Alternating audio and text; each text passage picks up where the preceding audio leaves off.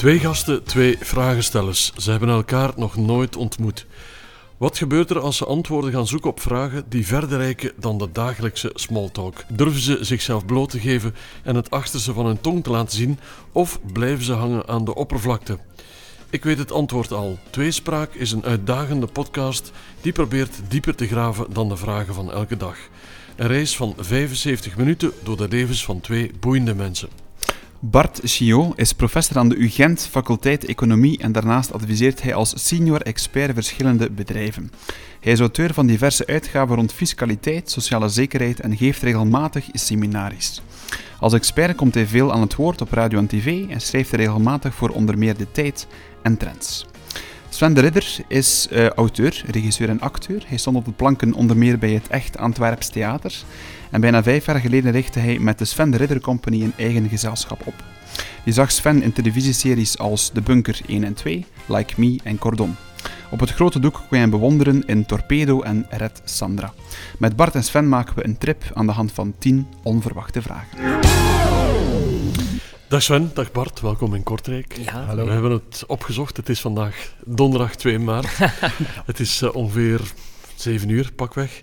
Um, hoe kijk je terug op deze dag? Hoe, hoe zag die donderdag eruit, Sven? Uh, die donderdag was eigenlijk um, een beetje zoals altijd de week na onze première. Want wij hebben vorige week een première gehad van een nieuw stuk. En dan is uh, het begin van de week altijd een beetje uitbollen. Dat is een hectische week, die premièreweek. En dan drie dagen, vier dagen daarna begin ik eigenlijk uh, te schrijven aan uh, uh, volgende producties. Mm -hmm. het is te zeggen, er ligt nu al een blauwdruk klaar voor de volgende vijf of zes producties. En dan begin ik eigenlijk in volgorde met de eerstvolgende. Mm -hmm. En die is voor de, deze zomer. Mm -hmm. Dus ben ik dus de laatste hand aan het leggen. Ja. Oké, okay, de première, hoe was die? Hoe kijk je daarop terug? Heel goed, ik hou van premières. En vooral omdat um, het woord première, de eerste, hè, is bij ons echt letterlijk zo. Wij, uh, wij doen geen try-outs. Ik, ik, ik hou daar niet van, van try-outs, want dan is een première eigenlijk een beetje vals spelen. Mm -hmm. Dan is dat niet meer de eerste. Dus um, veel van mijn collega-acteurs vinden dat verschrikkelijk. want dat is ineens voor de leeuwen, zonder dat je iets... Ja van test hebt. En wij spelen comedies, dus je moet mm -hmm. die reactie, dat is eigenlijk uw, uh, het publiek. En de reactie van het publiek is, is uw uh, zoveelste medespeler die er mm -hmm. op het einde eigenlijk bij komt. En, uh, maar het is goed gelukt. We hebben vijf voorstellingen gespeeld vorige week. En ja, we staan à point nu met ja, onze productie. na amper een paar dagen al een nieuwe productie beginnen schrijven, dat is toch ook intens? Um, ja, maar wij staan eigenlijk... Um, we, we, we, hadden een businessplan als we vijf jaar geleden zijn begonnen. En een beetje met de hulp van corona, met uh, de lockdown, moet ik eerlijk zeggen, zijn wij een beetje op voorhand kunnen gaan werken. Want ja. wij mochten niet optreden, maar wij mochten wel schrijven natuurlijk. Mm -hmm. En wij zijn nu, wij is Brik van Dijk en ikzelf, want wij schrijven alle stukken samen.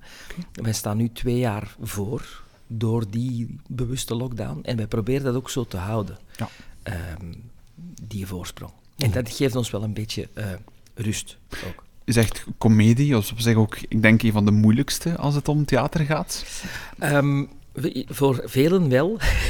Ja. voor mij niet. Nee. Dat is misschien een boetade om te zeggen, maar die, dat is, ik ben daar met de paplepel groot ingebracht. Ja. En voor mij is dat echt een... Uh, ja, dat, ik vergelijk dat altijd met, met, met bijvoorbeeld sportmensen die ik zo, zo effortless zien uitblinken in hun sport. Dat ik denk, hoe doen die dat? Maar mm. ja, ik doe op mijn manier ook zoiets waar dat voor ja. mij ja, uh, in, in het bloed zit. In bloed zit. Ja. Bart, we hebben gehoord dat jij auteur bent, dat jij professor bent. Hoe zag jouw donderdag eruit? Um, dat was een vrij drukke dag en uh, plots belt een journalist voor mijn mening rond het SWT, uh, het vervroegd pensioen van mm -hmm. die ACW-voorzitter. Mm -hmm. Moest ik een en ander opzoeken uh, van hoe dat, dat allemaal zit, want zij had vrij technische vragen mm -hmm. daaromtrent. Dus dat komt er allemaal tussen, tussen mijn planning en tussen feedback voor de studenten en lesvoorbereidingen en dergelijke. Dus dat was wel een pittige dag, ja. ja. Val je dan snel op je pootjes als zo'n journalist belt? Ja, ja, ja, we zijn dat al wat gewoon. Hè. Uh, maar ze bellen voor alles. Hè. Je moet dan wel zien dat dat een beetje binnen uw bereik blijft. Ik ga ook niet op alles in. Mhm. Ze vragen ook vaak je mening. Ik vraag ook van eh, dat eens na te lezen, hè, want je weet nooit van Mhm. wat dat er allemaal in de krant komt. Ik heb toch graag, als mijn naam erbij staat, Mhm, dat dat dat een beetje juist is. Ja. Dus ik vraag altijd even door te sturen, maar dat zijn heel korte deadlines. Hè. Ze Mhm. bellen, eh, ze maken een artikel, dat moet dan voor vier uur al eh, definitief zijn. Dan gaat dat naar de eindredacteur, dus dat is wel vrij heavy. Ja, Oké. ik vind dat fantastisch. Economie en comedie kan misschien, alhoewel, niet verder uit elkaar leggen. Misschien is het soms wat één wereld. eh, Het eindigt allebei op IE. dat gaan we onthouden. Dat gaan we onthouden. De eerlijkheid gebiedt ons ook te zeggen dat, dat het voor Bart de eerste podcast ooit is. Ja, Terwijl ja, Sven ja. is natuurlijk gewoon om interviews te geven.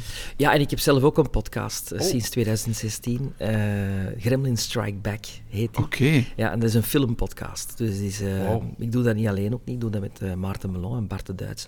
Mhm.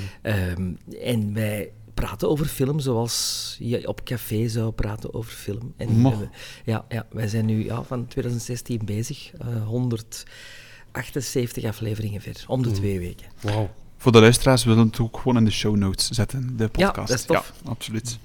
Wat zegt jou de film Gremlins trouwens, Pieter Jan? Ik ga heel eerlijk zijn, wat ze zeiden, ik ken de film niet. Oh, moet je zeker zien. Ja, rond kerstmis moet je die zien. Ah ja, oké, zeer Bart, goed. Bart eh, heb jij Ik die film ook niet, nee, ik zie gewoon de figuurtjes. Ja, ja, voilà. Ja, ja. Spielberg en zo. Ja, Ja. eh, En dat zijn dan die figuurtjes, als ze in een zwembad vallen, dan vermenigvuldigen ze zich? Er zijn drie dingen die je bij gremlins eh mee moet oppassen. Dat is, ehm, ehm, ze vermenigvuldigen als ze nat worden. mhm. Ehm, ze kunnen niet tegen licht of tegen zonlicht of tegen scherp licht. Kunnen ze niet tegen, dan krijgen ze schrik. En wat, wat ze ook doen, hoe hard ze ook zagen of, of zeuren, maar na twaalf uur mag je ze geen eten geven. Oké, Want dan, want dan worden ze slecht. schitterend. Misschien wel, maar ja, uiteindelijk als je een podcast hebt rond films, je kijkt waarschijnlijk dan zelf ook heel veel films. Ik kijk heel veel films. Ja. Ja. het is een beetje een, eh, ja, een uit de hand gelopen hobby, zal ik zeggen. Ehm, ik probeer dagelijks toch ofwel een halve film ofwel een film te kijken. Ehm, ik heb mijzelf dat opgelegd toen ik eh, ben gestopt met roken Mm. in eh, 2007. toen dacht ik van ja, een pakje sigaretten, dat zijn, ehm, dat, dat zijn eigenlijk, ja, hoeveel sigaretten zitten, zaten er toen in? Maar een sigaret is zeven minuten. Ja. Dus als je een pakje doet, dat is een film. Ja. Dus en eigenlijk een beetje als beloning voor mezelf heb ik gezegd, oké, ik ga stoppen met roken, maar dan moet ik wel in de plaats er iets voor krijgen. Dat is die film. En heb je vandaag een film of een halve film gezien? Dat zal voor straks zijn. De avond is nog lang. Fantastisch. Steven, wil jij de, de eerste vraag er even uitpikken? Jazeker, we hebben net als de vorige afleveringen de vragen doorgestuurd naar, naar de gasten. En die zijn dan vrij om die heel intens voor te bereiden, dan wel gewoon eens eh, te lezen. Ik weet van niks. Even goed, Sven, even goed. Ja, dan gaan we de eerste vraag aan Bart stellen om jou toch een beetje op jouw gemak eh, te laten stellen. Ehm, jullie zijn allemaal druk, druk bezette mensen, jullie zijn succesvol in wat jullie doen, dat mogen we zeggen. Maar wat kan er volgens jou nog beter? Hoe kan jij nog meer uit je leven halen? Daarmee gaan we vandaag starten, Bart. Goh, meer uit mijn leven halen. Ik denk dat het belangrijk is om meer de pauzeknop in te drukken. Eh, even zeggen van, has terugnemen, reflecteren. Wat ben ik aan het doen? Waar wil ik naartoe?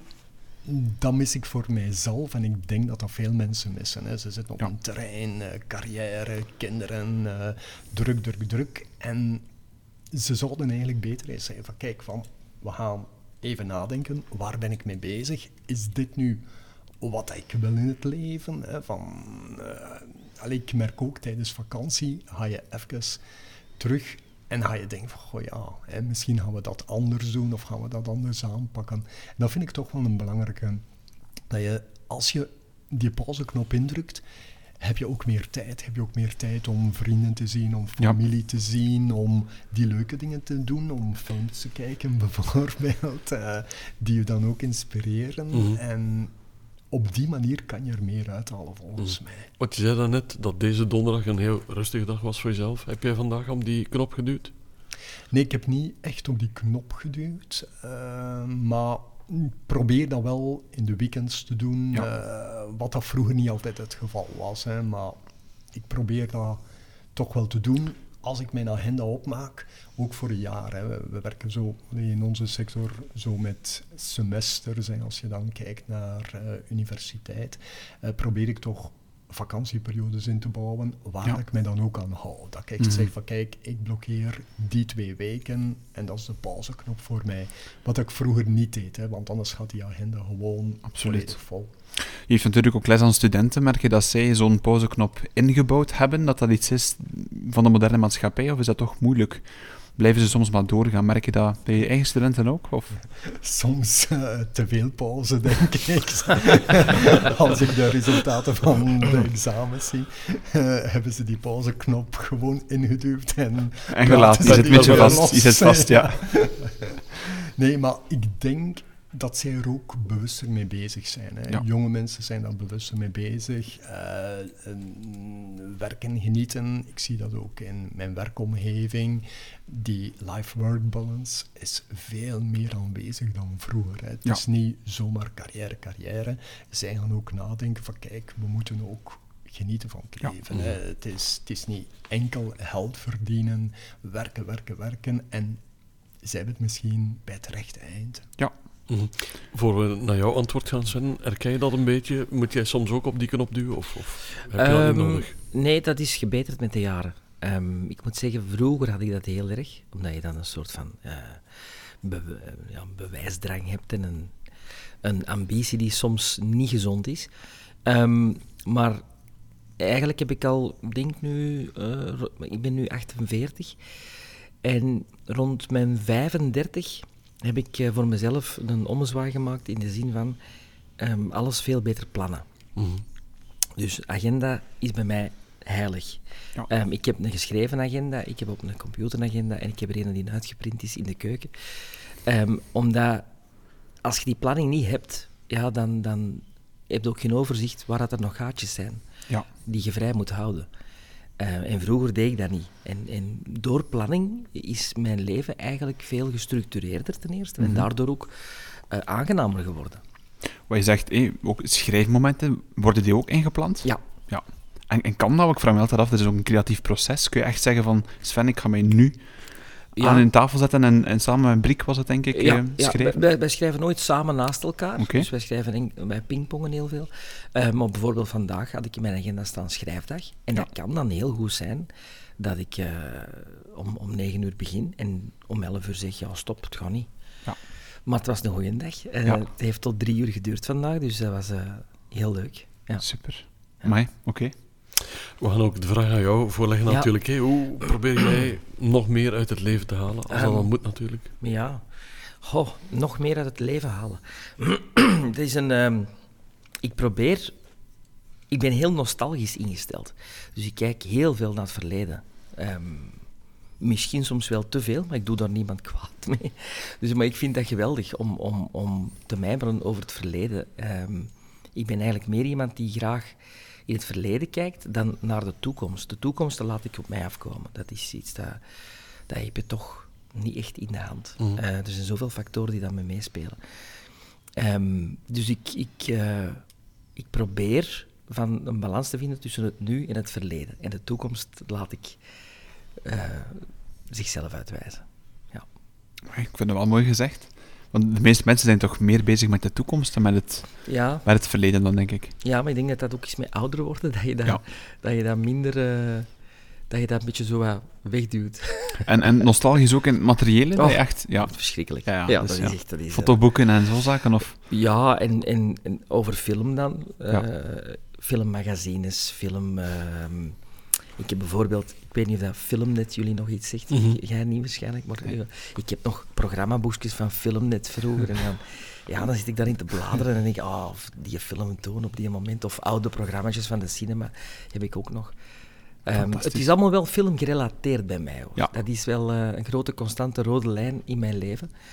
Ik heb ook heel veel fysieke media, dus ik heb VHS-cassetten, ik heb Blu-rays, dvd's, laserdiscs. Ik heb geen harde schijven waar dingen op staan. Nee. Ik, ik, ik, ben de man van de fysieke media. Ik mm. moet kunnen tastbaar vast hebben mm. in mijn collectie uh, wat ik heb. Een, een, een, harde schijf Daar heb ik geen overzicht over. Dat weet ik niet wat daarop staat. En stream je? Of, of meestal niet Ik heb, eh, ik, ben- ik heb alle streamers die er zijn. Ik heb eh, Amazon Prime, Disney Plus, Apple, Netflix streams zelfs.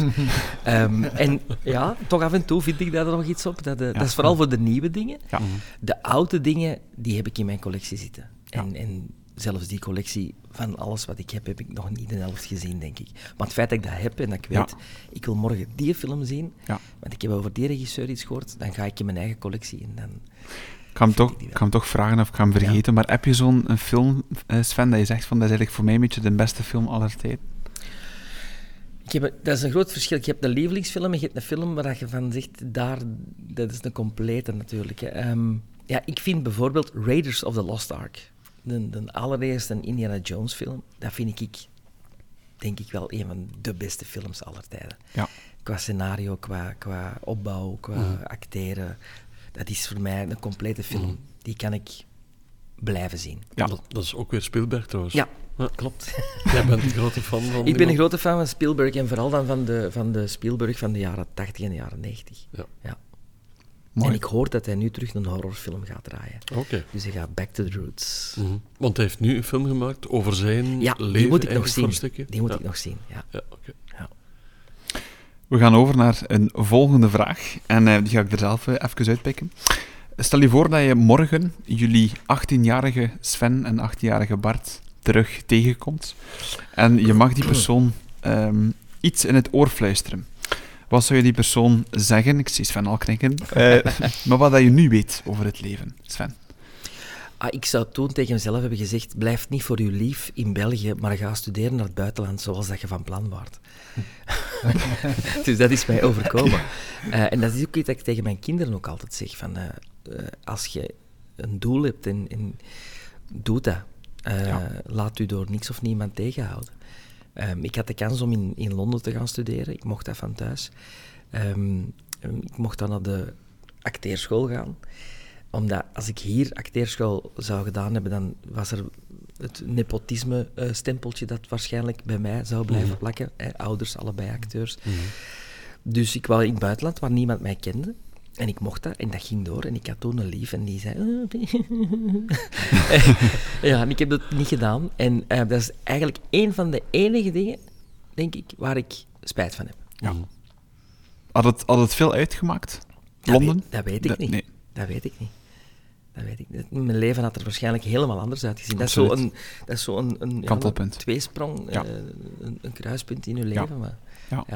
Oké, heel concreet wel. Mocht je zelf Ja. tegenkomen, maar dat, dat kan perfect. Bart, we gaan eens naar jouw verhaal luisteren. Ehm, wat zou jij zeggen tegen de 18-jarige Bart? Goh, ik denk dat ik zou zeggen dat je alles sneller moet doen. Ehm, ik heb mijzelf uit de Vlaamse klei getrokken, van het platteland naar de stad gegaan, eh, maar veel te laat, hè, want daar is mijn wereld opengegaan. Ik ben naar Gent gaan wonen, eh, ik kom dan echt uit een dorp, dorp. eh, en daar ging de wereld voor mij open. Hè. Vrienden, cultuur, alles. daar is eigenlijk ook qua beroepsmatig alles begonnen. En je zit dan eigenlijk vast. Hè. Je zit in een patroon met ouders en opvoeding en een beetje dat katholicisme. eh, alles eh, heel gewoontjes, de 9-to-5 job. En ja, dat zou ik misschien anders gedaan hebben. Maar ik heb er geen spijt van. Hè. Ik, ik denk altijd, ik heb het gedaan. Hè. Eh, Het is nu iets later dan voorzien. Maar Uit welk dorp kom je, Bart? Denderhouten, tussen Aalst en Nienhoven. Ja. Oei. Dat hoor je wel een beetje. Ah, nee, toch nee, eigenlijk niet. Nee, nee, nee. Heb je toen eh, echt grenzen beginnen verleggen toen je naar Gent verhuisd bent? Goh, grenzen verleggen, er gaat een nieuwe wereld voor je open. Hè? Eh, ja, plots heb je veel meer mogelijkheden die ook aangeboden worden. Hè? Je kan naar de cinema gaan, je kan naar het theater gaan. eh, er is elke avond iets te doen. In een dorp als Den Houten is dat niet het Niet geval, geval. natuurlijk. Dus in die zin zijn er wel grenzen verlegd, absoluut. Ja. En ben je nu op en top Gentenaar of ben je nog een stukje Denderhoutenaar? Oh ja, de band blijft. Hè. Eh, mijn moeder uh, woont daar nog, mijn familie woont daar nog, dus ik ga er nog heel vaak en ik vind dat ook best nog leuk. Hè. Eh, mijn petekind woont daar ook. eh, maar ik ben ook altijd blij dat ik terug naar de stad kan. Eh, het is niet dat ik een gevoel heb van, ik dacht, eh, als ik ouder word, ga ik misschien terug heimwee hebben Mhm. naar het platteland en zo, maar dat is absoluut niet het geval. Mhm. Als ik de E40 opga, dan denk ik, oh, terug naar het. Dat is, eh, maar ja, ik kijk er niet op neer, hè, maar nee. het is, ik ben wel een stadsmens, Mhm. alles is bereikbaar. Sven, u eh, associeer jou natuurlijk met Antwerpen. Welke band, welke verhouding heb jij met jouw stad? Ah, alleen maar liefde. ja, dat Je bent een... een echte senior Wel, nee, geen echte. Want een echte senior moet geboren zijn binnenstad. in de binnenstad en ook beide ouders moeten daar geboren zijn. Dus en dat zijn nog heel weinigen nu. Hè, van, Mhm. van, ik denk dat dat zo eh, misschien rond de jaren 60 zo is gestopt. Mhm. Eh, omdat ook natuurlijk alle materniteiten in die binnenstad weggaan. Of weggegaan zijn. Ehm, maar Antwerpen is voor mij ook altijd zo'n herkenningspunt van als je terugkomt van op reis, een hele cliché iets, maar het altijd zoiets van als je dat bordje ziet, ah, oké, we zijn thuis, we zijn thuis. Ja. Ja, want je bent nu in Kortrijk, straks rij je terug. Als je Ja. dat dan ziet, dan ben je ja, een soort van terug thuiskomst. Ja, allee, ik woon niet in Antwerpen stad. Ik heb daar wel gewoond. ehm, maar ik woon eigenlijk in, in het zuiden van Antwerpen, eh Wilrijk. Dus eh, ja, dat is ook eigenlijk op wandel... Allee, echt op wandelafstand van, van die binnenstad. Je kan dat echt te voet doen. Ehm, maar het is... Ja, Antwerpen heeft iets... Ja, eh, ook het dialect. Ik werk ook met dat dialect Ja. dagelijks bijna in mijn, Ja. in mijn comedies. En ja, dat is... Ik, ik vind ook trouwens alle dialecten prachtig. Ik vind eh, een dialect geeft een eigenheid, een authenticiteit en dat komt vanuit een buik. Dus ik ben een grote voorstander van dialecten en van dat in stand te houden, ook al evolueren dialecten, zoals een taal evolueert. Ik hoor dat bij mijn kinderen ook. Ehm, mijn middelste zoon bijvoorbeeld, die, een, eh, ja, die is Antwerpenaar, Mhm. maar die, gaan naar school, die heeft naar school geweest in Mechelen, in Geel en nu in Heist op den Berg. Dus dat wordt zo'n beetje een mengelmoesje van, van Ja. taal. En, en ja, dat is die evolutie van, van dat dialect ook. En er komt heel veel Engels tussen ook, Ook hè, al, in, in ook hun al. taal. Ja, eh, ja. Heel veel Engelse woorden. Ja. Mooi. Ja, dat is effectief wel zo. En, en merge een beetje van talen in de dag van vandaag. Zeker met de herkomst toe. Een merch, voilà. Een, eh, Voilà, Engels woord. Engels. Hier zijn we weer. Next question. Yes. We gaan naar vraag 7. Ehm, ehm, we ontmoeten allemaal leuke en boeiende mensen op ons leven, maar sommige mensen zijn een beetje onbereikbaar omdat ze ver van ons bed wonen of omdat ze er niet meer zijn. Dat kan natuurlijk ook. Ehm, wie zou jij wel eens willen uitnodigen voor een diepgaand gesprek over van alles en nog wat bij een goed glas wijn? Nationaal of internationaal? Bart, wie mag dat zijn voor jou? En waarom? Ah, Wel, ik had die vragen op voorhand en dat vond ik de moeilijkste vraag. En ik heb daar dan toch wel even over nagedacht. En wie ik zou willen uitnodigen is koning, koning Philip. Omdat ik denk van, niemand kent die. Mm. We zien die, dat is de koning van België. Die speelt een rol. Hè. Ik, ja, een goede of een slecht acteur, ik weet het niet. Maar Ik denk een goeie.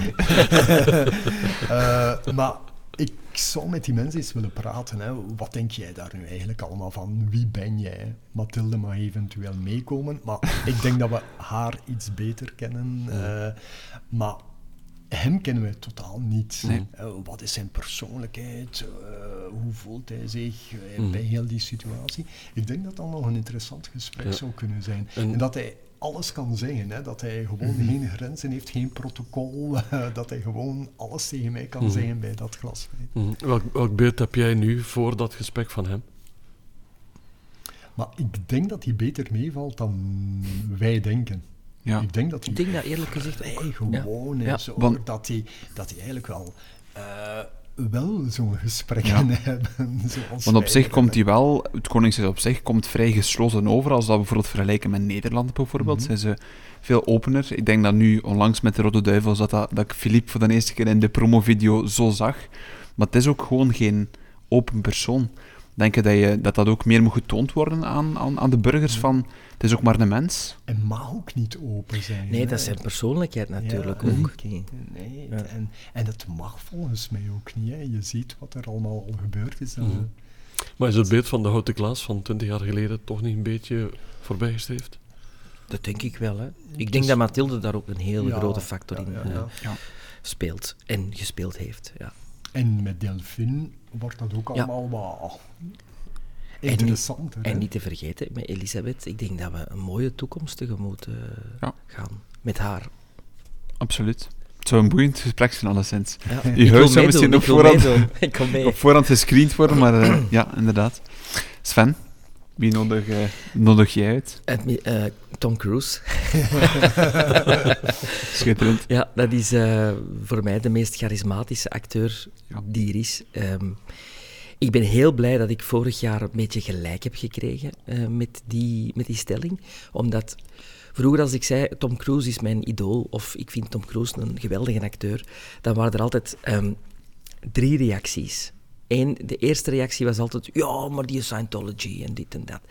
Maar dat interesseert mij niet. Dat is die mensen overtuiging. Maar het gaat mij om de filmster, om de acteur. Ja. De rest dat daarbij komt, ja. En het tweede was altijd, ja, dat is, dat is geen goede acteur. Ja, dan ging ik in discussie, want dan be- begon ik een paar films op te noemen, die ze meestal niet gezien hadden. Dan. Onder andere Born on the 4th of July of Magnolia, waar hij fantastisch in acteert. En dan de derde was van, ja, dat is een alien. die wordt niet ouder. Die is, die is, die is zo, allemaal plastiek en zo. Maar dan denk je van, ja, maar... Ik heb ooit iemand eh, ontmoet die met hem één dag op de set heeft gestaan. Eh, en die zei, als hij binnenkomt... Correctie, ik kwam binnen, zei die persoon, want hij was er al als eerste voor de crew al aan het repeteren.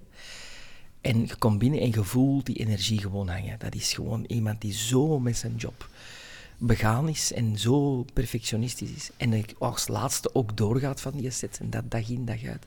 Hij zegt dat er was zo'n energie die daar hing, dat je daar wel mee mee moest gaan met die energie. En dat hij van iedereen natuurlijk het beste verlangt, Ja. omdat hij zelf ook het beste is Absoluut. in zijn job. En dat vind ik boeiend. En, en, en daar denk ik dat ik heel veel van kan leren, van eh, met zo iemand eh, te praten. Wat zou je hem vragen? Wat zou je vraag zijn? Mocht hij voor jou zitten met een glas wijn, wat zou je, ja, wat zou je hem vragen? Of dat ik eens mag meespelen. Want die doet ook, denk ik, al zijn stunts, die altijd zelf. Ja, dat, Is, dat is ongelooflijk. hè. Dat is echt waanzin. Dat, is, dat maakt het... Vorig jaar, dat wou ik er juist nog zeggen, ben, heb ik gelijk gekregen omdat eh, Top Gun Maverick, 36 jaar na eh, de eerste Top Gun, eigenlijk heeft hij eigenhandig met die film de cinema gered. Ik bedoel, na COVID, niemand ging niet meer naar het cinema. Zelfs een James Bond was niet het verhoopte succes. Ja. Dat ze, en hij heeft wel cinema terug op de kaart gezet. En daar denk ik moet binnen, allee, binnen ons vak moet iedereen een beetje dankbaar zijn dat, dat hij dat gedurfd heeft. Want ze wouden hem eh, eh, overtuigen om die film, die al twee jaar op de kast lag, van die toch uit te brengen. In, toch op streaming. En toch. Zei, nee, die film is gemaakt voor in de cinema. Al wacht ik zes jaar of acht jaar, die gaat in de cinema komen. Ja. En die vastberadenheid eh, heeft ervoor gezorgd dat ook niet alleen die film uitgekomen is, een groot succes is geworden. En ook iedereen zo zei van, "Amai, dat is eigenlijk wel, eigenlijk wel een goede film. Ja. Ehm, dus het was vorig jaar de redemption van Tom Cruise. Ja. Engels Fantastisch. woord.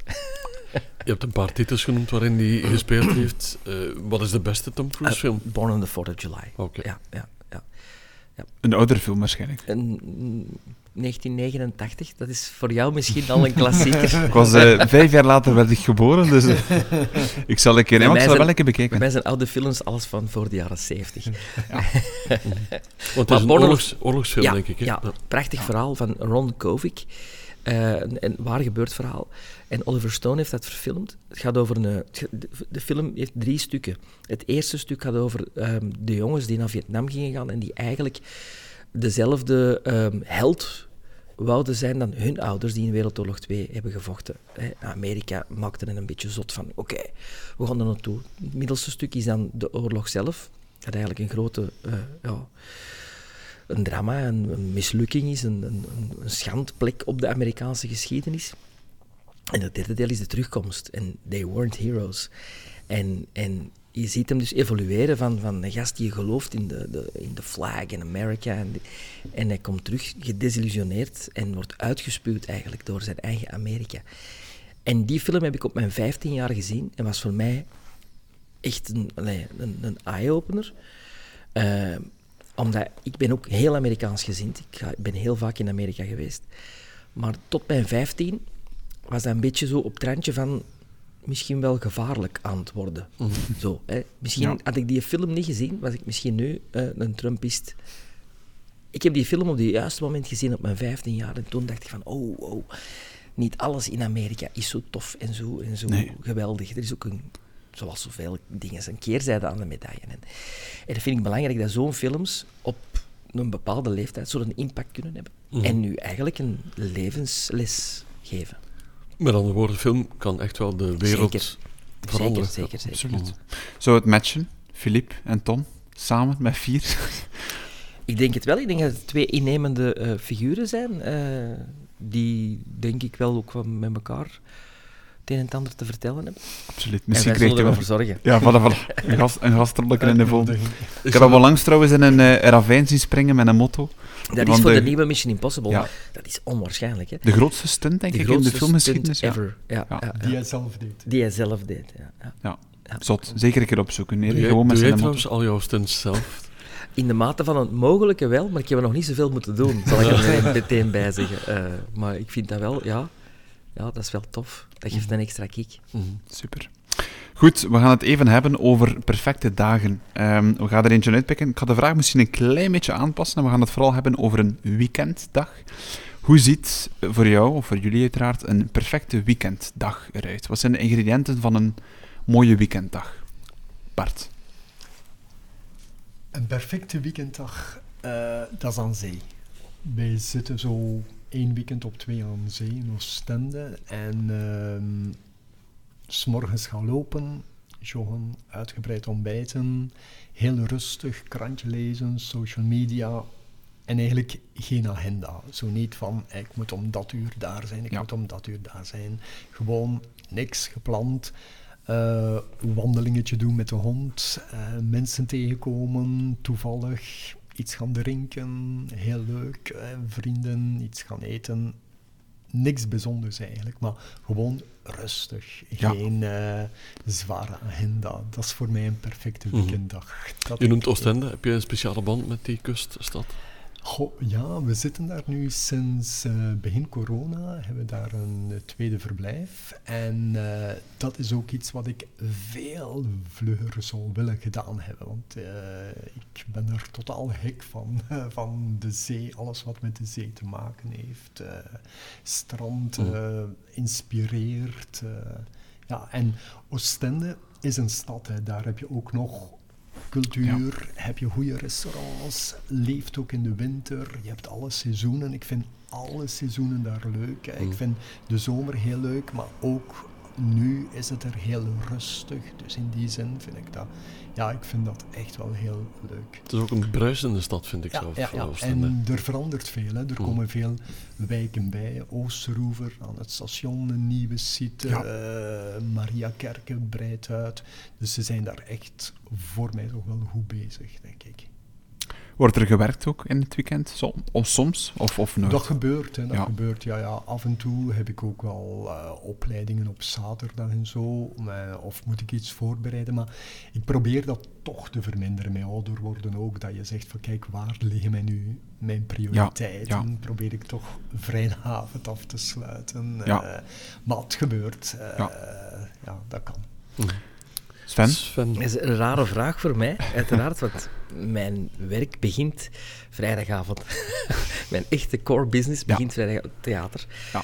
Ehm, dus mijn, mijn weekend is eh, meestal werken, maar ik, ja, hetgeen ik als werk doe, theater spelen, dat beschouw ik dan weer niet als werken, want dat is een, een passie en dat is, ehm, ja, ik voel dat niet als naar mijn job gaan. Dus het is een tweeledige vraag. Hè. Wat is uw perfect weekend? Een volle zaal. dat is een perfect weekend. Maar wat ik ook een perfect eh, weekend vind, is bijvoorbeeld, een, als ik dan niet moet spelen in de weekends, is al mijn kinderen rond de tafel hebben. Eh, bij een goede brunch. Eh, ik heb drie kinderen. En als die in die momenten zijn schaarser nu dat ze ouder worden natuurlijk. Als die alle drie dan rond die tafel zitten, dan, dan die zich voor mij... ja, dat is hemels. Ja. Ja. Doe je het dan vaker op zondag bijvoorbeeld? Dat je, of, of, of is dat ook nee, moeilijk? Dat is, nee, dat is dan meestal eh, op, op maan- maandag is, begint mijn weekend eigenlijk, zeg ik altijd. Dat is zo, ja. Ja. Maandag en dinsdag zijn mijn, mijn weekenddagen. Ja, maar ja, logisch Ja. ook als je speelt. Ja, ja, ja. Mogen we een beetje reclame maken voor jouw huidige voorstelling? Ja, absoluut. wat- Dat mag, dat mag, dat mag. De, de, de Mannen van de Golf eh, Mhm. speelt nu momenteel. We gaan daar eh, tot en met 19 maart spelen we dat in, in Antwerpen. En dan gaan we op tournee tot 9 april. Oké. Ehm Kortrijk ook? Of? Isegem. Ah, ja, dat is Ja, niet ver. hè. Dat is niet ver, hè? niet Ja, nee, nee. heeft trouwens een heel goede theatercultuur. De leest. de leest, Ja. daar komt alles. Hè. Mooi, hè? Dat is ongelooflijk. Dat is trouwens, vind ik, het, het schoolvoorbeeld van een goede CC, is dat je een waaier kunt aanbieden aan je publiek van alle mogelijke dingen. Absoluut. En waar speel je in Antwerpen? In welke... Theater Elkerlijk. Ja, ja, absoluut. Dus we spelen onze voorstellingen ofwel in Theater Elkerlijk, in de lente en, en de zomer. In het najaar gaan we op tournee, Mhm. of nu doen we een klein tourneetje. Ehm, en dan met kerstmis spelen we altijd in het fakkeltheater. Dus we spelen verschillende... Ja. eh, Mooi. Ja. En waarover gaat? In het heel kort. De Mannen van de Golf gaat eigenlijk over een elitaire golfclub in de, in de rand van het Antwerpse. Ehm, ik zeg altijd, en dat is ook zo, want ik heb een paar initiaties gaan doen, golf is tegenwoordig veel toegankelijker dan vroeger. Ja. Maar dan heb je geen komisch stuk natuurlijk. Dus je moet een beetje de, de extreme laten zien. Dus een elitaire golfclub waar dan eh, iemand lid wil worden die er totaal niet past. En waar iedereen van denkt van, wat komt die hier doen? Totdat hij natuurlijk zijn groot bundeltje cash geld bovenhaalt en iedereen direct wil weten van, waar komt dat geld vandaan en waar, hoe zou hij ons kunnen helpen? Ja, En dan begint het natuurlijk. Ja. vond dat... De mannen van de golf. Ja. Absoluut. Gaan we ik- in Isegem. Goed zo, dankjewel. We hebben eh, alweer iets in onze agenda kunnen bijvoegen. Ehm, we gaan naar de wereld zoals die is. En de wereld is mooi, maar de wereld kan altijd mooier, zegt eh, Samson, denk ik ook. Ehm, hoe probeer jij de wereld die jij kent mooier te maken, beter te maken? Zet jij daarin stappen, Bart? Of? Beter maken is een groot woord. Hè. Iedereen doet kleine dingen om de wereld er toch een beetje mooier te doen uitzien. Eh, maar ik kan een voorbeeldje geven. Hè. Deze week had ik een overleg met Plan International. Mhm. En, en ehm, zij zijn op zoek van hoe kan, kunnen wij onze donoren overtuigen om geld eh, te schenken aan Plan International. In mijn business, ik zit in een business van verzekeringen, levensverzekeringen, hebben wij oplossingen hè, waar je zegt van kijk, ik sluit een verzekering af en ik duid een goed doel aan als begunstigde bij overlijden. Ik kom te overlijden, dat geld gaat naar het goed doel. Het goed doel betaalt daar geen successierecht en erfbelasting op. Mm. Dus dat is iets wat ik met hen nu bespreek. Ik ga voor hen nu ook lezingen geven voor hun potentiële donoren. Dat is één, één voorbeeldje. Een ander voorbeeld, dat is misschien nog leuker. Ehm, ik ben een grote hondenliefhebber. Mm. En ehm, ik werd geconfronteerd met het feit van mijn buurvrouw, die valt, 87 jaar, wordt naar het ziekenhuis gebracht, eh, moet naar een rust- en verzorgingshuis en die komt eigenlijk nooit meer terug. En die heeft een poes en er is daar niks voor geregeld. Hè, van, wat moet er nu gebeuren? Eh, wie gaat die opvangen? Ja. Die zoon zei, ik wil die niet. Wij hebben een hond, dus dat matcht je ook niet. En dan dacht ik van, kijk, eigenlijk moeten mensen daar toch over nadenken. Hè, van, oh, wat gaan we doen met ons huisdier? Ik had nog een ander voorbeeld van iemand die plots gestorven was met een hond. En dan heb ik daar eh, een artikel voor geschreven voor het hondenmagazine Woef Mhm. van wat kan je doen? Hè? Want we, maken, we denken over alles. We bes- beschermen onze partner, we beschermen onze kinderen, ons huis, ons bedrijf wordt overgelaten. Maar we denken eigenlijk niet aan die huisdieren. En Woef heeft dan dat artikel gepubliceerd, dat is ook opgepikt door Plus Magazine. Daar is toch heel wat reactie op geweest van hoe kan je dat regelen? Hè? Je kan dat regelen in een testament, een zorgvolmacht, van regel daar iets voor. Hè? Want een, een hond maakt deel uit van het gezin. Mhm. Dus Eh, je moet daar iets mee doen. Haya heeft ook zo'n uh, project dat ze zeggen van kijk, als dat voorvalt, kunnen wij die hond of die poes plaatsen in een opvanggezin. Dus die dingen, dat zijn zo kleine dingen hoe dat ik de wereld probeer te verbeteren. Ik vind dat heel mooi, dat is, echt waar, uh, dat meen ik. Maar ja. de, allee, ik, ik, ik, vind het heel erg, want het is niet altijd dat je je hond overleeft. Hè. Mm -hmm. Nee. Het kan ook zijn dat je eerst hebt en dan wil je natuurlijk dat die hond ook goed terechtkomt. Hè. Dat je zegt van kijk, als ik er niet meer ben, of, of als ik een accident heb en ik mm. beland in het ziekenhuis, dat mm -hmm. jij voor mijn hond gaat zorgen. Mm -hmm. En dat kan je op papier zetten. Mooi. Absoluut. Ik denk dat veel oude, oudere mensen uh, die inderdaad huisdieren hebben en die koesteren, met die vraag zitten ook wel. Hè? Ja, ja, want heel veel mensen hè, zijn eenzaam en nemen dan een hond of een kat en die, die regelen daar eigenlijk niks rond. Ja, of die denken daar ook niet over na. En ik, ik vind dat wel heel belangrijk, ook voor het huisdier mm -hmm. zelf. Hè. Heb jij huisdieren, Sven? Ja, ik heb een, uh, een hondje.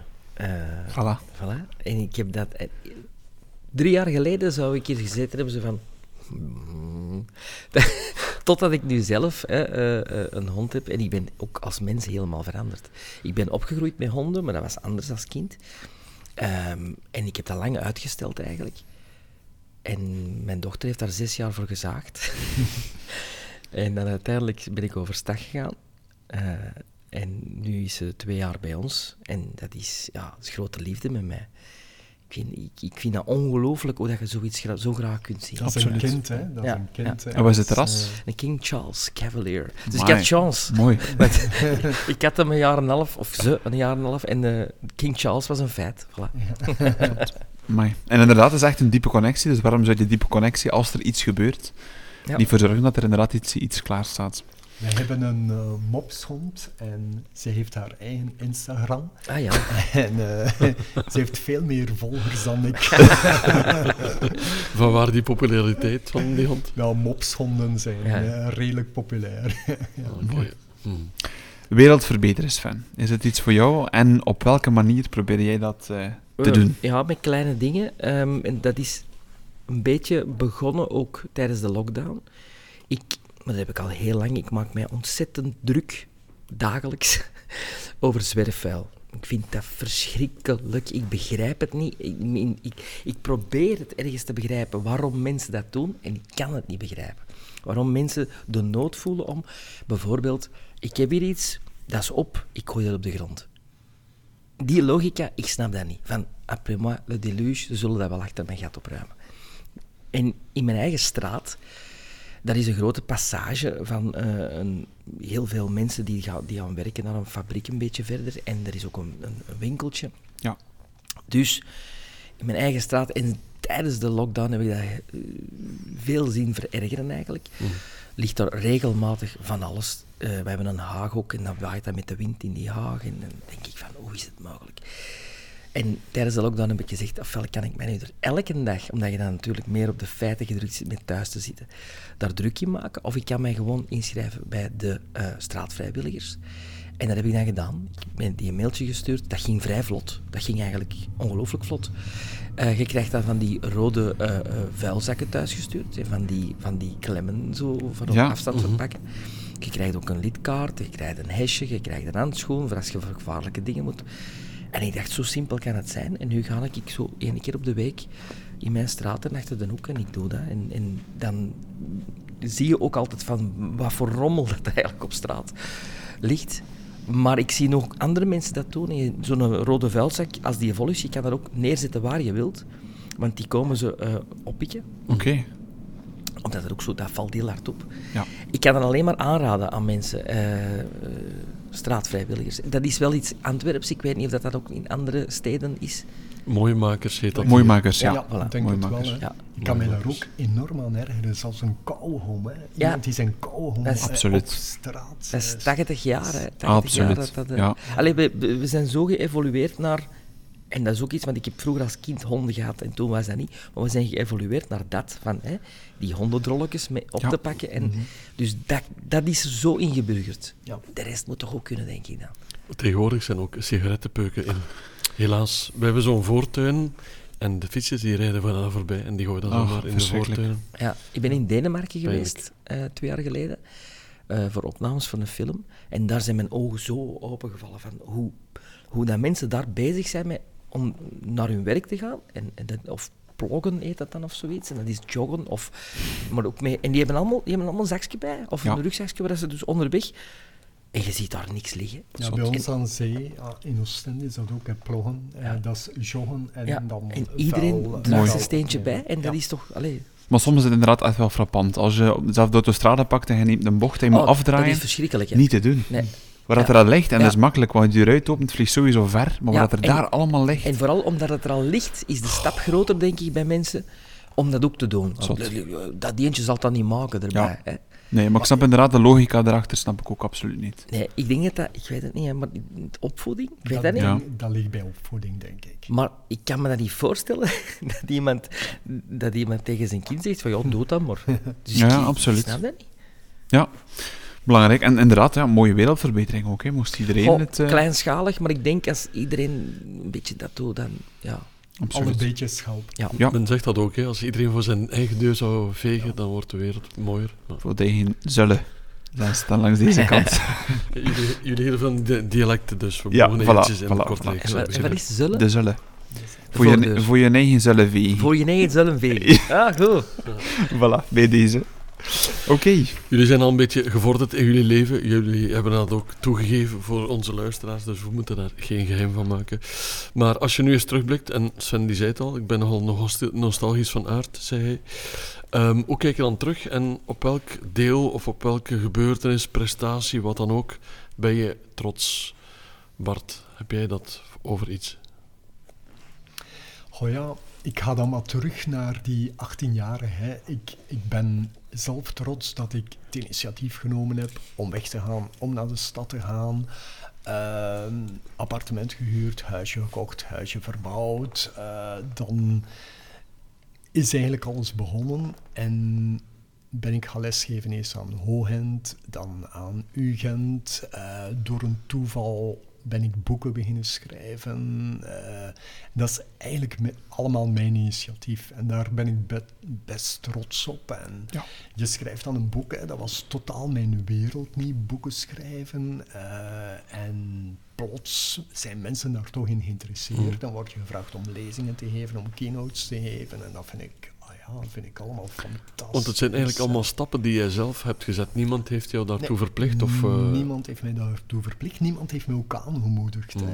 Ik zei dat straks al, die opvoeding, hè, dat eh, heel katholieke, eh, brave gezinnetje met de vier kindjes die allemaal goed studeerden en in het, in het dorp of het dorp daarnaast gingen wonen, was ik de enige die er uitsprong.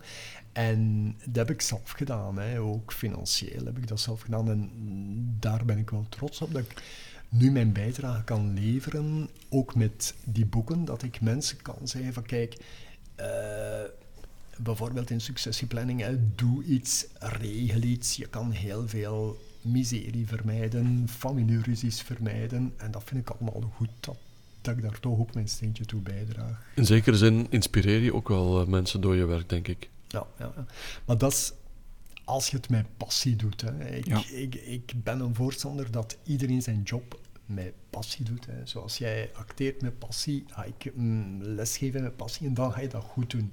Eh, ik geef altijd het voorbeeldje van als ik naar de bakker ga en ik zeg ja, een bruin brood. En ze smijten dat daar op de toog. Of die zegt, ah ja, ik heb een bruin brood, maar vandaag hebben we ook nog dat brood en je kan dat ook. Ja. En dat je dan de passie voelt Ja. van, van de bakker, dan kom ik daar graag. En dan betaal ik zelfs graag iets meer, maar dat is iemand die zijn job met passie doet. En dat gooi je ook het langst uit. Hè. Er zijn heel veel mensen ongelukkig in hun job, omdat ze hun job niet met passie doen. Belangrijk. Passie. Ja, zeker, Klopt, hè, Sven? zeker. Ja. Absoluut. Sven, als jij terugkijkt op je leven, op wat ben je dan echt oprecht trots? Aha, ik, ik ben sowieso trots op het feit dat ik eh, de moeilijkste rol van het leven eh, nog steeds eh, heel graag doe. En dat is de rol van vader. Ehm, en dat ik daar drie kinderen heb op de wereld gezet. Een zoon van 23, een zoon van 18 en een dochter van 13. En dat je die, dat je die ziet ontwikkelen, op, elk op hun eigen manier.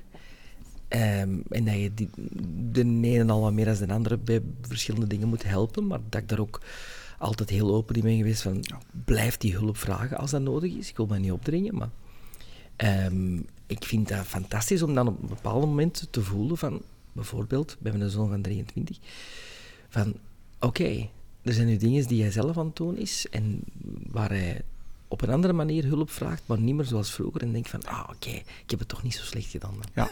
Daar ben ik wel heel trots op, ja. ja. Mooi.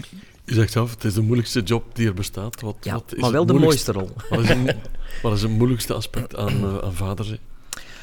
Ehm, vooral niet, v- geen verwachtingspatroon te hebben. Eh, want vaak als je een verwachtingspatroon hebt, kan je alleen maar teleurgesteld worden. Dus je moet dat af en toe, die knop van het verwachtingspatroon, uitzetten en denken van, het is hun leven. En je kan wel dingen aanreiken, en je kan suggesties geven, en je kan eh, raad geven. Maar het moet niet allemaal zijn zoals dat jij het hebt gedaan. Dat is de grootste fout, denk ik, die, je, ehm, die, die ik ook heb ondervonden bij mijn eigen eh, eh, vader. Van, Dat het zo moest zoals hij. Ja, op een gegeven moment, dat wreekt zich altijd. En je gaat toch je eigen weg. Ik heb vijf jaar geleden mijn eigen gezelschap opgericht, omdat we op dat gebied... Ja, ik heb jaren met mijn vader samengewerkt. Maar misschien net iets te lang. Misschien net iets te lang die, die, die beslissing eh, uitgesteld van ik ga, ik ga zelf. Maar de tijd was er nu rijp voor. En, en dat is ook zo'n beslissing die je dan neemt van ik ga mijn eigen weg. Ik was dan wel 43 op die moment. Dus maar bon, dat is... eh, Chapeau. beter laat dan nooit. En zijn de kinderen trouwe fans? Komen ze heel vaak kijken? Ze Of, of- komen kijken, ze zijn eh, trouwe fans, maar het is niet in het overdrevene en dat hoeft ook niet. Eh, Nee.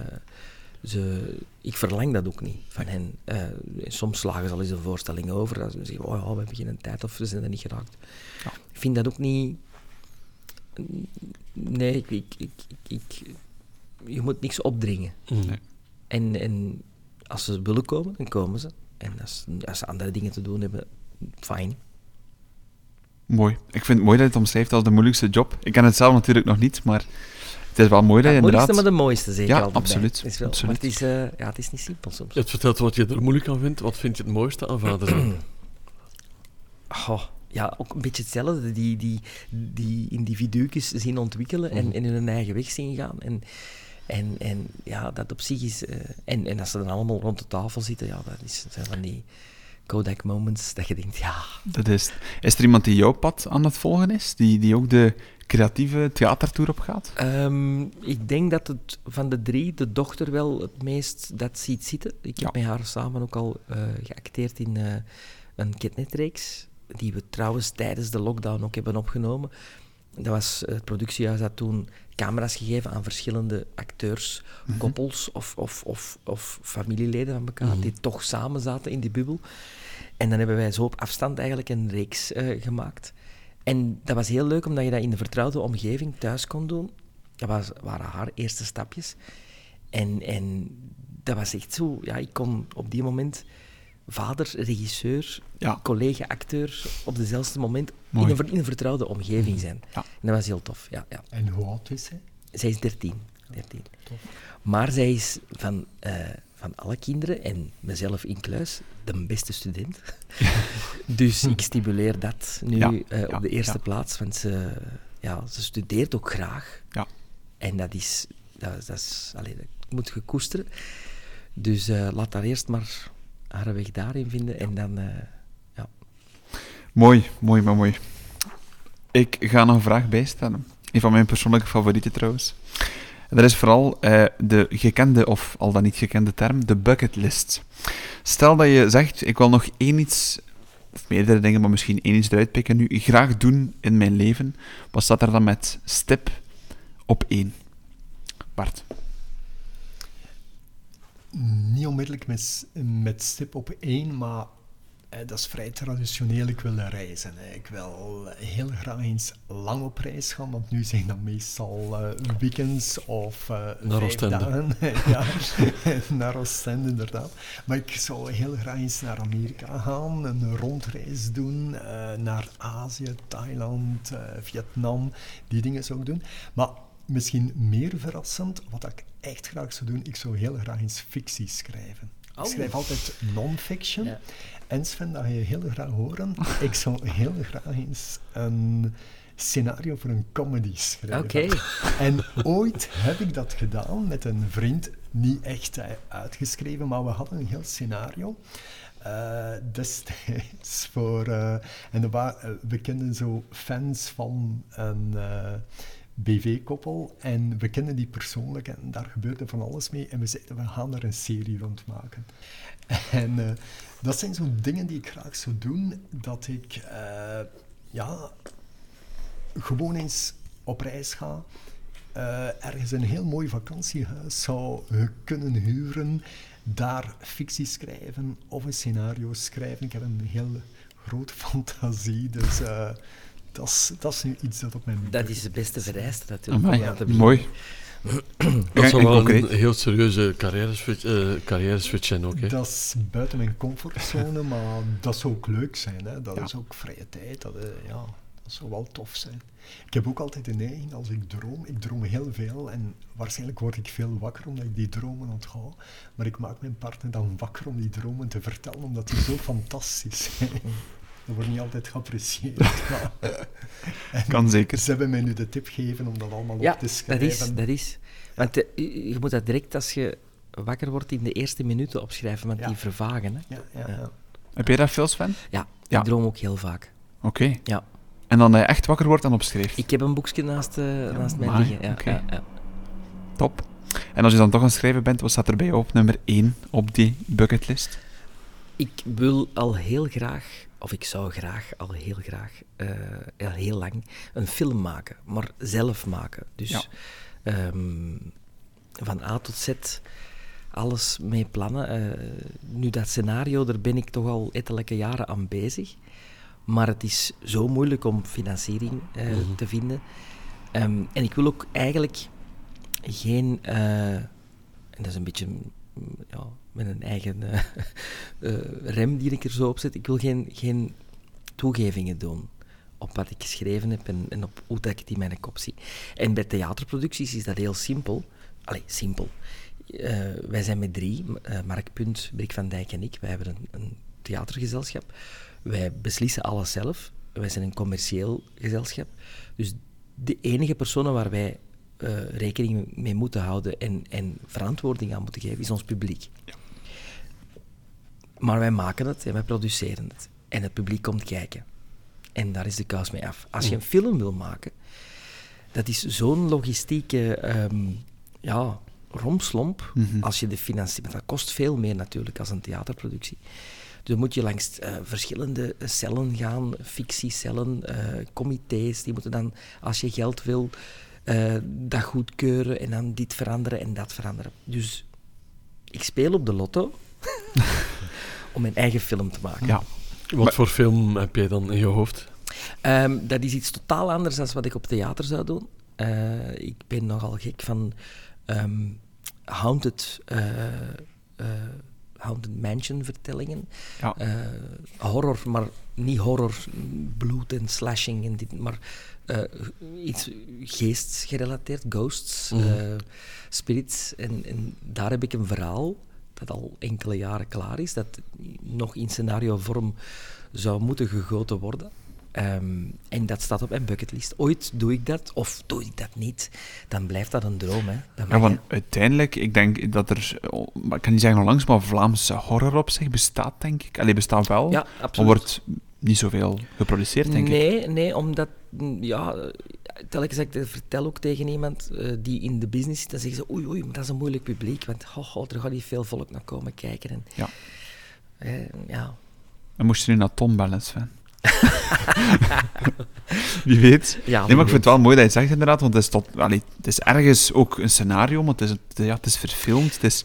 De, de manier, de, de, way, to is Ja. veel moeilijker dan, dan een theatervoorstelling maken. Ja. Er zijn zoveel meer eh, factoren die meespelen. Distributie is een zware kost. Je moet Ja. dat goed in de markt kunnen zetten. Je moet dat, ja, dat kost gewoon veel meer ehm, tijd ten eerste. Want een film maken duurt soms vier tot vijf jaar. Mhm. Van het scenario dat af is tot de, de release van de film. Ja. Terwijl met theaterstukken doen wij er drie per jaar. Toch nog eens naar die film met geesten. Eh, ik vond dat wel een opmerkelijk eh, idee. Eh, welke films heb je dan voor je in gedachten? The Exorcist bijvoorbeeld, is het zoiets in gedachten? Ehm, niet zo expliciet. maar Ja. Het is meer eigenlijk... Ik, ik ga dat meer zoeken in de Britse... ehm, Britse BBC tv-films, waar het dik, vaak gaat over haunted castles of toestanden. Ja. Er is zo ene film, The Others, met Nicole Kidman. Ja, mooi film. Wel, in, die, in die richting eh, zou het Oh. zitten. Ja. Ja. Een beetje mysterieus, Ja. veel rook, veel duister. Ja, dat soort En met dingen. heel veel dubbele lagen, Ja. waar je achteraf dan zegt van, oh, het is niet waar. Allee zeg, dat bedoelde hij. Mooi. Ja. Ik vind dat heel mooi zelf. Maar inderdaad is het totaal anders. Want wat ik me wel, wel afvraag, bij het theater werk je toe naar een moment, de première. De publiek Mhm. zit daar, dus je brengt live uiteindelijk je, je stuk dat je Ja. zoveel jaar, allee, zoveel jaar of maanden aan geschreven hebt Maar dat doe, je elke, dat doe je elke week. Hè? Ja. Elke dag dat je Ja. speelt, is het een nieuw publiek, is het terug dat moment van, ja, je kan niet knippen, hè? Je, kan Nee. niet, je kan niet zeggen, we, we, we nemen het even. Nee, dat is echt... Daarmee vergelijk ik theater al. Is- Theater is een marathon. Ja. En, en filmen is eigenlijk de 100 meter elke keer lopen. Ja. En dan wordt dat daarna mooi gemonteerd en... Ja. Het is, een, ja, het is een, eh, mooie visie. Dus ik hoop dat je ooit je nummer 1 op de bucketlist uh, waard Ja, ik hoop het ook. Ik hoop het ook. Steven, ga je er nog een vraagje uitpikken? Ja, ik denk dat het de voorlaatste of de laatste zou kunnen zijn. Dat zien we wel als Absoluut. de klok eh, het toelaat. Stel dat jij morgen op de reset-knop kunt duwen. We hebben dat net al op een andere knop geduwd. Weet je het nog? We gaan niet op de reset-knop duwen. Gewoon alles opnieuw. Wat is dan het eerste dat je zou veranderen in de wereld of in jouw eigen leven? Bart. De resetknop, goh, dat is altijd een moeilijk. Hè? Van als ik mijn leven zou herdoen, zou ik dan hetzelfde doen? Waarschijnlijk niet. Ehm, ik zou veel meer dingen proberen. Ik, vind, ik vond dat persoonlijk heel moeilijk om op je 18 jaar keuzes te maken. Eh, Dan ga je meestal een beetje luisteren naar je omgeving, naar je ouders, eh, naar je vrienden van eh, doe dit en doe dat. Ehm, ik denk dat ik dan meer zou gaan reizen, eh, culturen opsnuiven, mensen ontmoeten, met mensen praten, dingen proberen. Ik vind dat ook zo heel Vlaams. Hè. Als je iets probeert en het mislukt, dan zeggen ze, ja, zie je wel eh, dat... eh, of iemand begint een zaak en die gaat over kop en oh, ja, we hadden dat gedacht, hè, want Ja. eh, dat lukte. En dat vind ik jammer. Hè. Je moet mensen motiveren. Ik probeer dat ook naar mijn studenten te zijn, van word zelfstandig, onderneem, dan ga je ervaring opdoen en lukt het niet, dat is ook een ervaring hè, dat je opdoet. En zo zou ik in mijn reset meer dingen geprobeerd hebben dan het vlakke pad gedaan, waar ik dan heel lang moest wachten vooraleer dat ik dan de stap zette. Ja. Ja, want is tegen de muur lopen, daar kan je ook uit, uit leren natuurlijk. Hè. Absoluut, absoluut. En, en dat wordt niet zo geapprecieerd. En dat zie ik dan meer in Amerika. Hè. Daar is dat veel minder erg. Hè. Als je, als Ja. je eens faalt, ja, dat is niet erg. Dan probeer je iets nieuws en gaan ze je weer motiveren. En eh, ja, dat is dat oer-Vlaamse zo van... Falen, eh, falen is geen optie. Ja, ja, ja. ja. Misschien op dat falen wel een keer ingaan. Dat boeit mij op zich wel. Heb je dat bijvoorbeeld ook gehad, Sven, dat je een bepaalde productie maakt en dan test je dat uiteindelijk voor een publiek en dan is het toch niet wat dat je verwacht naar reactie toe? Of... Ehm, ja, of, of dat je voelt van, allee, hoe komt nu dat de reactie is wel goed, maar de opkomst is minder bijvoorbeeld. Ja, En dan begin je te denken, dat is, een, dat is altijd een en-en-en verhaal natuurlijk. Hè. Maar er zijn, eh, ja, er zijn bepaalde stukken waar ik persoonlijk meer van verwacht had Ja. dat de mensen zouden komen. Eh, en, en dan andere waar je het niet van verwacht. Ja. En is, oh, amai.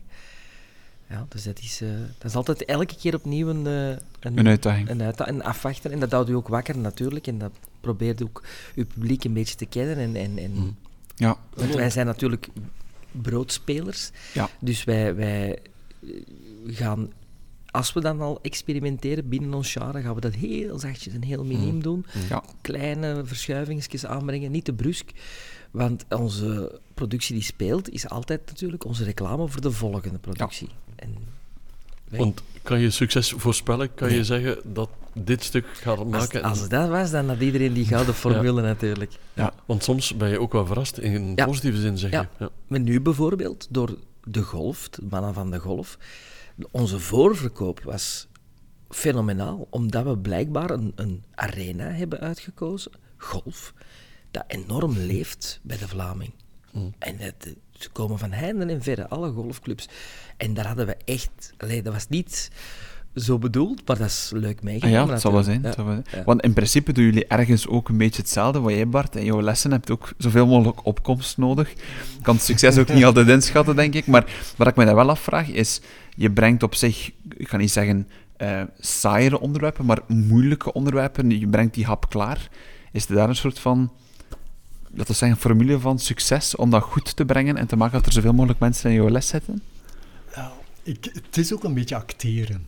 En lesgeven is ook een beetje acteren. Hè. Je staat voor een klas en je moet die mensen gaan boeien. Natuurlijk, door corona online eh, is Ja. de opkomst ook minder. Eh, We doen ook een livestreaming. Lessen worden opgenomen, ze kunnen achteraf kijken. Maar dan is het belangrijk om hen te triggeren. Hè. En dat is weer die passie. En dat voelt een student ook. Als je dat echt met passie brengt en Ja. naar hun leefwereld u afstemmen op hun hun interesses. Hè.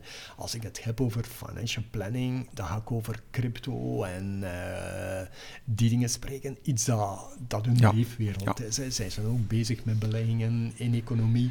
Dus daar probeer ik hen wel eh, bij te betrekken en dingen uit de praktijk vertellen. Hè. Dat vinden ze uiteraard wel. Maar blijft ook altijd wat acteren. Je speelt altijd eh, ook een rol, denk ik, eh, als je les geeft. eh.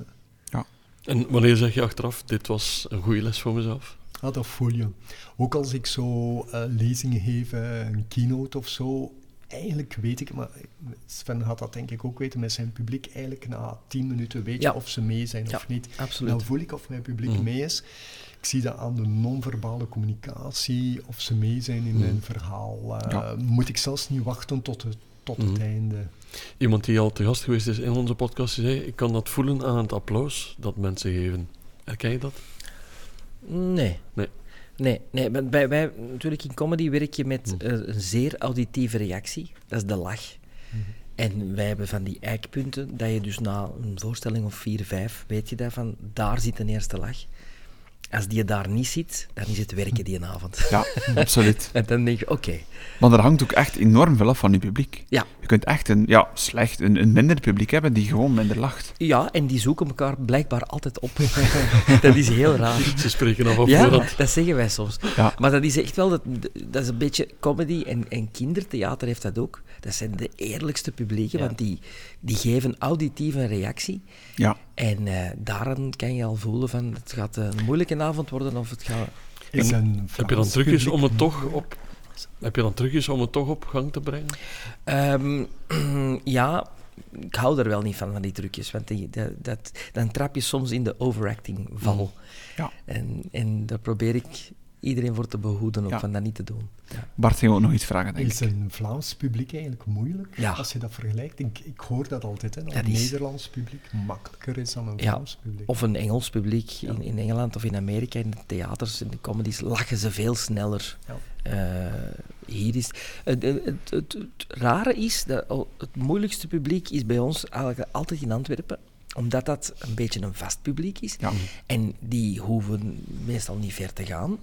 En die krijgen alles. hè. In Antwerpen krijgen ze musicals en theater. En dat is altijd van, allee, zeg het eens deze keer. Kom maar. Laat eens een keer iets zien. Terwijl Ja. als wij op tour gaan, en bijvoorbeeld in Isegem, komen wij één of twee keer per jaar. Ja, die mensen die zijn zo enthousiast Absoluut. dat we er al zijn. Ja. Hè, dat is het circus dat in town is. En, en, en die komen al met een soort enthousiasme Ja. kijken. En dat is, dat is heerlijk. Ja. Dus de beste lach die zit in Isegem dan? Als ik... Eigenlijk in Limburg. Ah ja, voilà. In In Limburg, zit mijn- ja, bij mij ook. Mijn Ja. moeilijkste publiek is Antwerpen. Daar krijg ik de moeilijkste vragen van. eh, die, die denken dan, ja, die komt ons hier eens iets uitleggen. Mhm. eh, we zullen die een beetje vragen stellen, dat we hem eh, voor schut zetten. En Limburg is fantastisch. dat is ook bij ons- Fantastisch. Ik Echt? toe, Allee, die, tof. die Ja. hebben taart, die hebben koffie, die... Dat is een warm, een warm publiek ook. hè, Ja. die bedanken ja. mij voor de uiteenzetting. Dat gebeurt in geen enkele andere eh, Mooi. provincie. En heb je dan ook, wat ik me altijd afvraag, zo'n een soort van eh, categorie in de moppen dat je in je productie steekt? Want ik heb bijvoorbeeld nog gehoord, als ze beginnen spelen, dat je bijvoorbeeld weet, eh, die, die grap zit erin, ze lachen niet, maar misschien dat de grappen die erachter komen misschien minder goed zijn, en je dan al denkt van, oh damn, ze lachen nu al niet, gaan ze zometeen nog lachen? Ja, en dan lachen ze soms op een moment dat je totaal niet verwacht. Ja, absoluut. Ja. Ja, Ja. ik vind dat wel altijd heel, heel tof. En gebeuren er vaak dingen dat je totaal niet verwacht? Die... Dat kan, dat kan. Ja. Soms gebeurt er iets, de, eh, puur fysiek of zoiets, dat Ja. iets, eh, of, of iemand vergeet iets te zeggen of zegt een fout. Ja. En dat, het leuke daaraan is, dat als dat organisch komt en het publiek heeft door dat het iets is dat er niet bij hoort, dan heb je een perfecte combinatie. Ja. En dan kan je echt heel ver gaan. Ja. Als het publiek het niet door heeft, is het niet leuk. Want dan denken die, oh, die hebben een onderrondje waar dat wij niet van op de hoogte zijn, Mm. mag je niet doen. Wat je ook niet mag doen is, hey, dat marcheert vanavond, we gaan dat morgen terug doen. Mm. We gaan dat repetitief inbrengen, een soort slappe lach die gespeeld wordt. Oh, dan krijg ik echt kiekenvlees. Dat vind ik verschrikkelijk. Allee, slecht Ja, kiekenvlees. ja, absoluut. Nee, dat vind ik eh, zo... eh, We spelen dat we de slappe lach hebben, dat, ja, dat haat ik. Nee. Dat is ook niet natuurlijk, denk ik. hè. Nee, nee, nee. nee. Nee, alhoewel, alhoewel dat mensen dat toch wel leuk vinden. Maar als acteur, als ik dat zie, dan... Ja, ik weet dat van, dat is gespeeld. Dat is... Ja. Ja, wordt, maar- wordt er dan nog ge- geïmproviseerd of, of ligt Ja. alles echt 100% vast? Er wordt... De, alles ligt vast, maar er kunnen momenten zijn dat er is de inspiratie van, van, van het moment is. Omdat je een heel goede zaal hebt die je zoveel energie geeft. En Ja. die, wij, wij noemen er altijd van die golven hè, die dan komen en dat blijft maar komen. Blijft maar. En dat je dan ineens zo, oh, dat er een deurken open gaat en dat je zo iets anders zegt. En dat marcheert dan ook. En dat zijn van die, van die heerlijke ja, momentjes zo. Ja. Li- lightning in the bubble, in de- om het maar in het Engels te zeggen. Absoluut, absoluut. En waar ik me dan ook afvraag, ook misschien voor allebei, uiteindelijk jullie herhalen heel vaak wat dat jullie doen. Lesgeven, spelen. Word je dat dan nooit beu? Dat je denkt van, ik vertel dit nu, of ik speel dit nu al voor de tiende, vijftien, twintigste keer? Je publiek is altijd anders. hè. Ja, ook al. Ja, Dus dat, houdt het ook fris. ja, Ja. absoluut. Ik ga dat ook altijd op een andere manier brengen. Nooit identiek hetzelfde. Eh, Je gaat het ook actualiseren, je gaat andere accenten leggen. Ja. En je leert ook, ik denk uit een voorstelling ook, je zegt van kijk, dat werkt niet, dus we gaan dat wat bijsturen. Eh, en dat wordt, eigenlijk wordt dat altijd beter. Maar dan heb je al, Naarmate je iets veel heeft, Veel wordt het ge- beter. heb je al geschrapt? Dat je merkt van echt, als het Ja, ja, gespeeld ja. wordt, van dit werkt echt totaal niet. Ja, ja, en herschrijven, nog s'nachts Ah, ja, oké. s'nachts nog dingen herschrijven. En, en, ja, ja, die eerste week zeker. Hè. Die eerste vier voorstellingen wordt er nog veel... eh, Mm. ik, ik hou er ook van, van, van tot de essentie te komen en van die schaar. Te, wij, wij noemen dat tuurcoupuur. Maar dat is, dat is, dat is geweldig. Dat is, daar Ja. ga je echt naar die... Naar die Ja. Al die ballast eruit. Iemand zei ook in een vorige podcast, als je komt kijken naar de eerste voorstelling en kijkt naar de laatste, is het een heel andere. Is dat ook bij jullie zo? Ja, zeker. Zeker. Ja, dat is anders. Want inderdaad, Ja, zoals ja, dat Bart zegt, dat wordt altijd maar beter. En dat, dat, je kan daar eigenlijk blijven aan werken. Ja. Aan, aan een- als je met een live publiek werkt. Absoluut. Ik ga helaas de tuurkopuur in de podcast moeten zetten, want ik moet de timing in de gaten houden. En dit was ook de laatste vraag. Ik wil jullie ook gewoon vragen op het einde van de podcast wat jullie er zelf van vonden. We hebben nu eigenlijk 75 minuten samen op weg gegaan. Sven, wat vond jij ervan? Wel, ik vind het eh, ver- verbazingwekkend altijd om zo werelden die toch ver van elkaar liggen en toch, toch raakpunten hebben. Dat vind ik... Eh, dat is verbazingwekkend, maar dat is ook mooi Ja. om, om te ondervinden. Inderdaad, ook een beetje het doel van de podcast, Ja. dus we hebben ons doel, doel bereikt alleszins. Een van de raakvlakken was dat jullie allebei Limburg-minded zijn. Zo wat? Ja, zo zie je maar. En dat ik een scenario wil schrijven. Bart, hoe heb jij het ervaren? Want je was eerlijk gezegd, we mogen het zeggen, een beetje nerveus voor allen. Ja, ja, ja, voor mij is dat totaal niet, maar ik vind het heel gemoedelijk. het is Fantastisch. alsof we met vier op café zitten. voilà. Voilà, dat is eigenlijk voilà. podcast in de essentie. Ja, ja, ja, Absoluut. en- We gaan zeker luisteren trouwens naar de podcast van Sven, even rond de, rond de film. En ik weet dat hij straks nog gaat doen, Sven, als je thuis komt. Misschien Ja. nog een, een halve film zal het misschien zijn. Het zal een, het vervolg zijn van de andere helft van gisteren. En wat was, de, wat was de film? Going Berserk, een komedie uit de jaren 80 met John Candy. Voilà, Ja. Bij deze.